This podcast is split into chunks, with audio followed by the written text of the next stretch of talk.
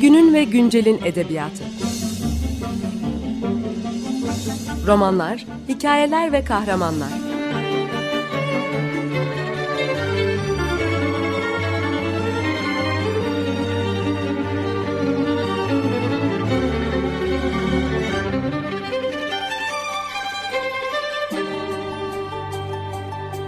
Hazırlayan ve sunan Seval Şahin.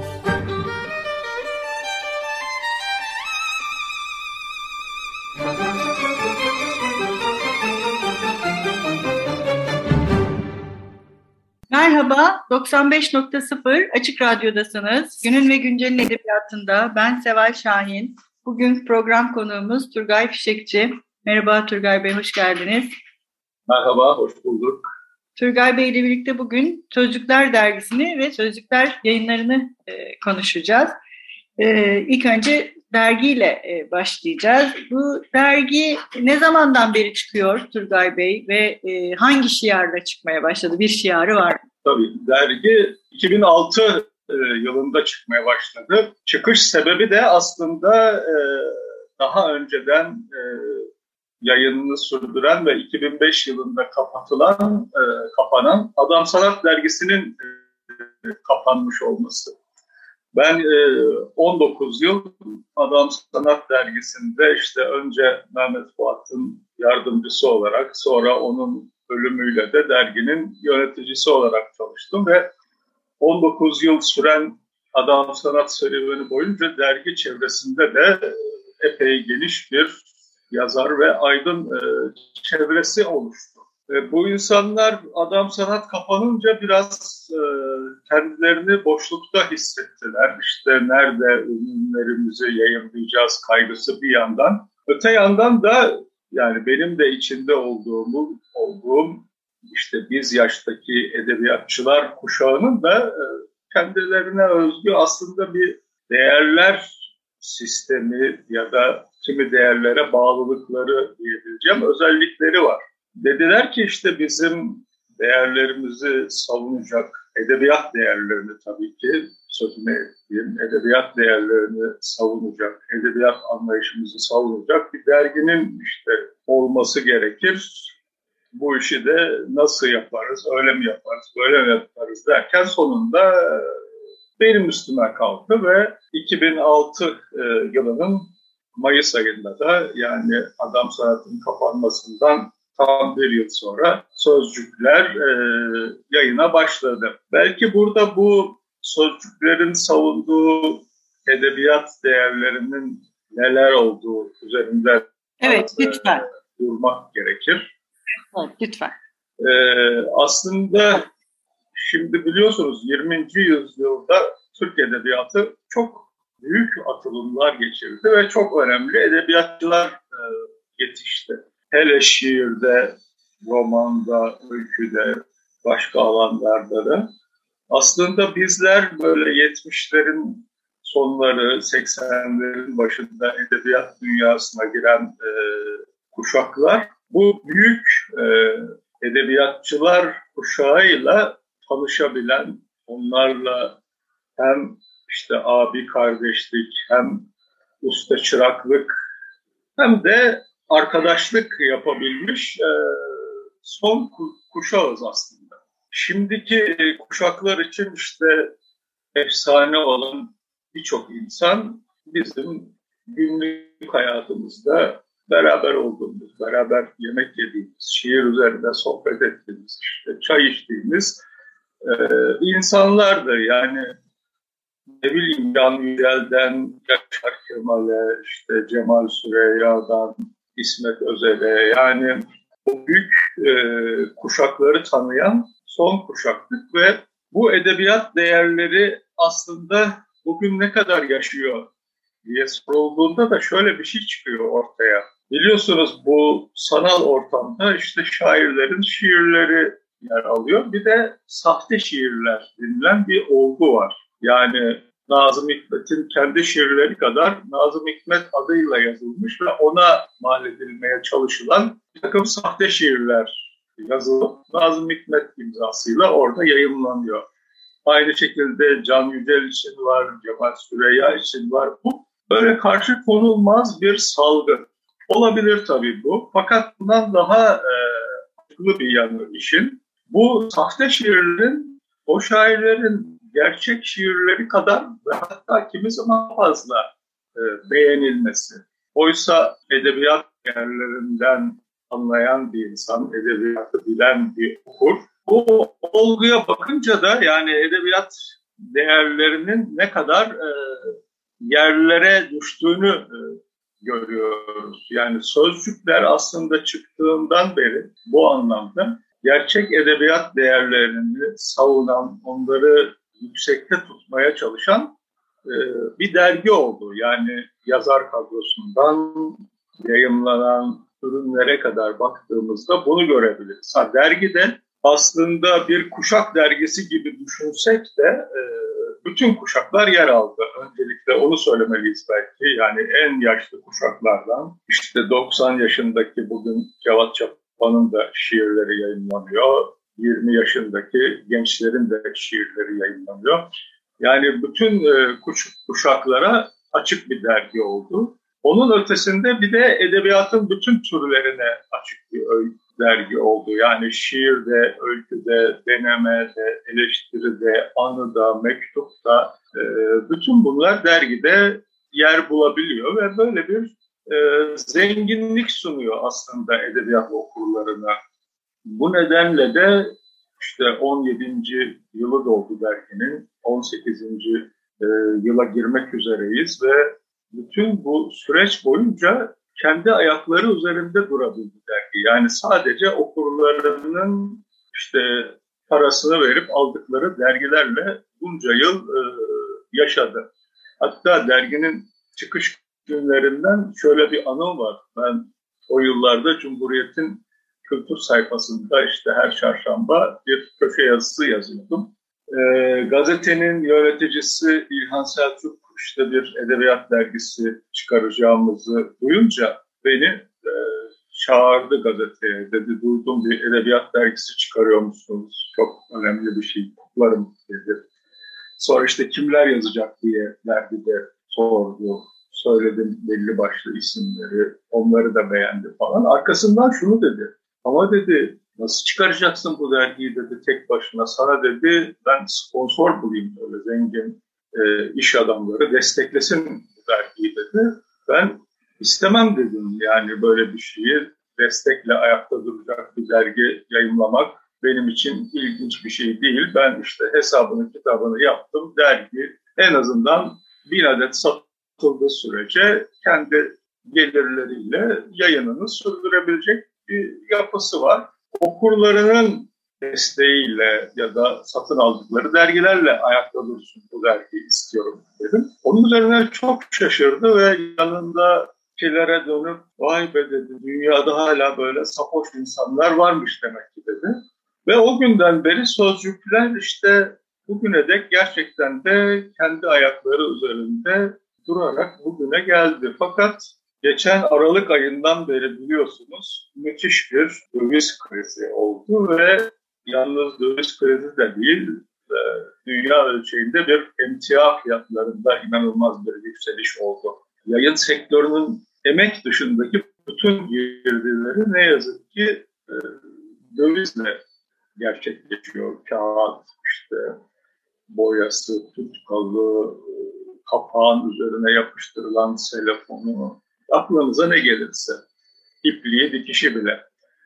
E, dolayısıyla hem kağıt fiyatları dünya ölçüsünde yüzde 50 kadar arttı. Yani bir ton kağıt 700 euro iken bugün 1050 euro. Hem de euro ile aldığımız için o şeyi euronun değeri de neredeyse işte e, iki katına çıktı. Bunun dışında bir de enflasyon gerçekleşti ve bütün bu ödemeleri matbaacıya, kağıtçıya peşin yaparken e, biz sattığımız dergilerin e, bedelini yaklaşık dağıtıcıdan 9 ay sonra alabiliyoruz. Ve bu 9 aylık enflasyon da o giderin büyük bir bölümünü götürüyor ve bu artık bir derginin e, satış geliriyle ayakta durabilmesi olanaksız hale geldi. Ben de bu yılın sonunda işte 100. sayıya ulaşacak Sözcükler Dergisi. E, bu yılın sonunda kapatmayı düşündüm ve çevremdeki insanlara da bundan söz ettim. Kapatacağım artık dergi kendi kendini e, çeviremez durumda diye. Ama hiç beklemediğim de büyük bir tepkiyle karşılaştım. Yani duyan insanlar e, işte yardım edelim, yapamazsınız böyle bir şeyi, sözcükler bizim için çok önemli falan diye. Hatta şöyle bir şey oldu. Bir abonemizle işte konuşuyordum. Ona da söyledim 100. sayıda kapatacağım diye. Bir süre sonra bir havale geldi. Ve altında şöyle bir not işte bu bedelle 101. sayıyı çıkarın belki arkası da gelir diye. Yani e, sürdürmek neredeyse artık bir zorunluluk haline geldi sanıyorum. Ama bunu nasıl yapacağız gerçekten de hani taşıma suyla değirmen ne kadar döner onu da bilemiyorum. Dolayısıyla bir belirsizlik dönemi var önümüzde ama şöyle ya da böyle sanırım 2023'te de sözcükleri yayınlamayı sürdüreceğim. Evet bence de e, sürdürülmesine e, katkıda bulunmak okurun e, desteğiyle bugüne kadar e, hem de bağımsız bir şekilde devam edebilmek çok önemli bir şey ve bu iyi edebiyatın da e, kendini göstermesi açısından çok önemli bir platform sözcükler. Belki bizi dinleyen e, dinleyicilerimiz ve başka sözcükler okurları da e, bu buna katkıda bulunurlarsa ne kadar güzel olur. Buradan ben sizin adınıza öyle bir çağrıda yapmış olayım eğer sakıncası yoksa sizin için. Sağ olun. Tabii ki. Evet şimdi bir ara verelim. Ne çalalım? Ne istersiniz bugün Turgay Bey? Tamam. Gabriel Faure'den Fore'nin havadını çalalım. Ruhlarımız biraz dinlensin bu yazılımda. Peki. Merhaba, 95.0 Açık Radyo'dasınız. Günün ve Güncel'in edebiyatında ben Seval Şahin. Bugün Turgay Fişekçi ile birlikte Sözcükler Dergisi'ni ve Sözcükler yayınlarını konuşacağız. Ee, ilk programımızın ilk bölümünde Turgay Bey ile birlikte Sözcükler Dergisi'ni konuştuk. Ee, ve 2006'da kapanan Adam Sanat Dergisi'nin devam etme sürecinin bir parçası olarak çıkan bu derginin bugüne kadarki gelme macerasından bahsettik.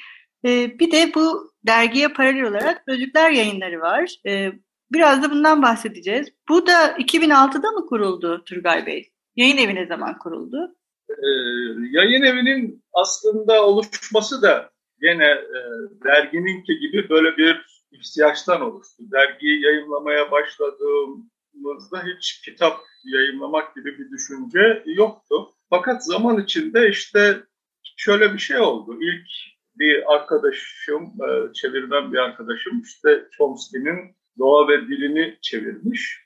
Fakat e, kitabı ısmarlayan yayın evi içindeki bir cümle yüzünden kitabı e, yayınlamaktan vazgeçmiş. Yakınıyordu bu durumdan. Yani ben onca emek verdim işte bu kitabı yayınlatamayacak mıyım falan diye böyle şey oldu.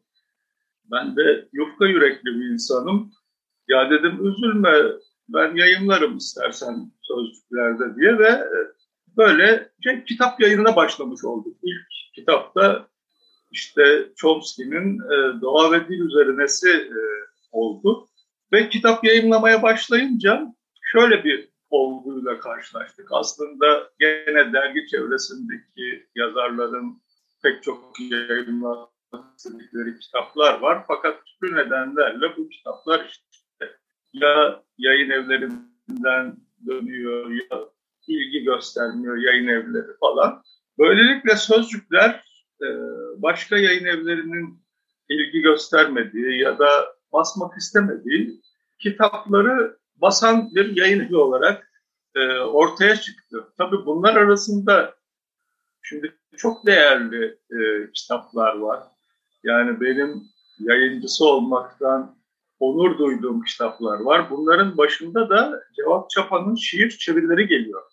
Yani Cevat Çapa'nın işte Kavafis'ten, Seferis'ten, Mandelstam'dan, Ferlinghetti'den e, yaptığı şiir çevirileri bütün hem şiirimiz için hem edebiyatımız için o kadar önemli ki işte bunlar az satışlı kitaplar diye yayın evleri tarafından ilgi gösterilmemiş olması e, yani ayıp aslında yayıncılık sektörümüz açısından. Ben bütün bu kitapların e, yeni basımlarını yaptım. E, çok da memnunum gerçekten bu kitapları basmış olduğuma. Evet, gerçekten.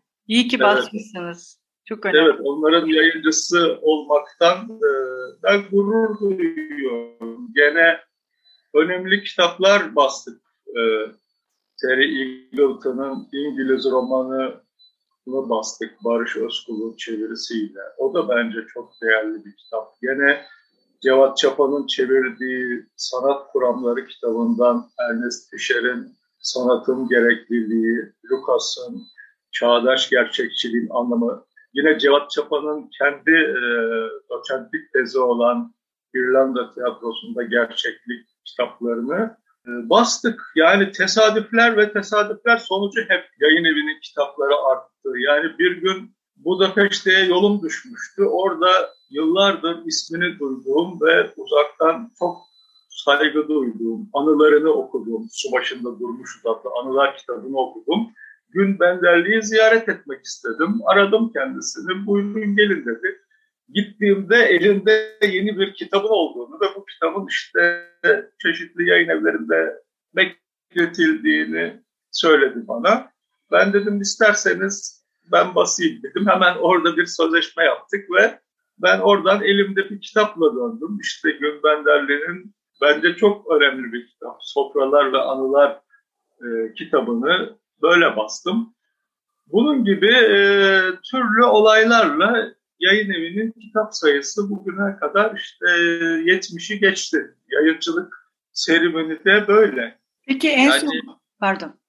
Efendim, yayıncı, yani ben ne dergide e, ne yayıncılıkta bir e, ticari bir beklenti içinde hiç olmadım ben. Tek başına bir insanım işte masraflarım çok sınırlı. Yayın evinden işte para kazanayım falan gibi bir şeyim olmadı. Hep eğer bir para gelmişse onunla yeni kitaplar basmayı, dergi sürdürmeyi e, bunları düşündüm ve bizim yayıncılık geleneğimizde de böyle bir şey vardır aslında. Özellikle de 50'li 60'lı yıllarda böyle tek kişilik hem dergi hem yayın evi e, olan kuruluşlar vardır. İşte Mehmet Fuat'ın mesela Yeni Dergisi ve D Yayını'dır. Vedat Günyol'un Çan Yayınları ve Yeni Ufuklar Dergisi. İşte Şükran Kurdakul'un Ataç Yayınları, Ataç Dergisi. Ee, ben biraz da o insanları da gençliğimde yakın tanıdığım, onlara böyle hayranlık duyduğum için biraz da o yayıncılık anlayışını da e, böylelikle sürdürmekten de mutlu oluyorum açıkçası. Çünkü artık yayıncılık büyük bir endüstri haline geldi yani. Tek başına bir insanın böyle yayıncılık yapması bugünün e, kuralları içinde biraz e, akıl dışı, gerçekçi değil. Ama bunu ben başarıyor olabilmekten, sürdürüyor olabilmekten doğrusu büyük bir keyif duyuyorum. İşte o eski ustalara hep selam gönderdiğimi düşünüyorum. Yeni bir kitap çıkardığım zaman, yeni derginin yeni bir sayısı yayınlandığı zaman onlarla aramdaki bağın artık onlar dünyada değiller ne yazık ki onlarla aramdaki o gönül bağının sürdüğünü hissediyorum. Bu da beni mutlu ediyor. Ne güzel. Aslında romantik diyelim belki hani akıl. romantik yayıncılık diyelim. evet. E, ama e, yani bu tür hayalleri yaşatmaya devam etmek ve iyi edebiyatın peşine düşmek e, ve bu çabayı ısrarla devam ettirmek çok değerli.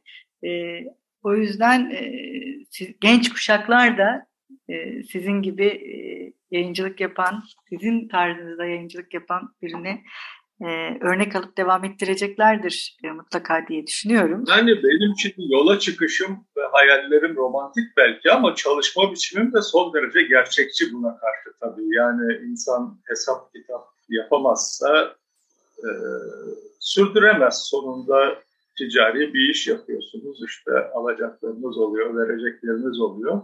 Bizde bu romantik duygularla yayıncılığa başlayıp çok kısa sürede batan insan da çoktur. Böyle işte eline bir yerden toplu para geçer. hemen bir yayın evi kurma e, ya da dergi çıkarma heyecanı sarar insanları. Başlarlar ve kısa sürede de o macera sona erer. E, benimki gerçekçilik açısından bu eğilimlerden biraz farklı tabii. Ben yani 20 yaşından beri de yayıncılık sektöründe çalışan, hayatımda da başka bir iş yapmamış bir insan olarak bir işin nasıl, bu işin nasıl yürüyebileceğini, nasıl ayakta kalabileceğini e, bilebilen bir insanım ve bunu işte bunca zamandır sürdürebildim. Evet, e, çok teşekkürler Turgay Bey. Çok sağ olun. Ben teşekkür ederim. Sözcükler Dergisi ve Sözcükler yayınları için e, ve bu e, dergiyi devam ettirmek için e, okurlarımızın yeniden e, sözcüklere desteklerini e, esirgememelerini de rica ediyoruz diyeyim ben kendi adıma. Tekrar çok teşekkür ederim. Sağ olun. Hoşçakalın. Görüşmek üzere.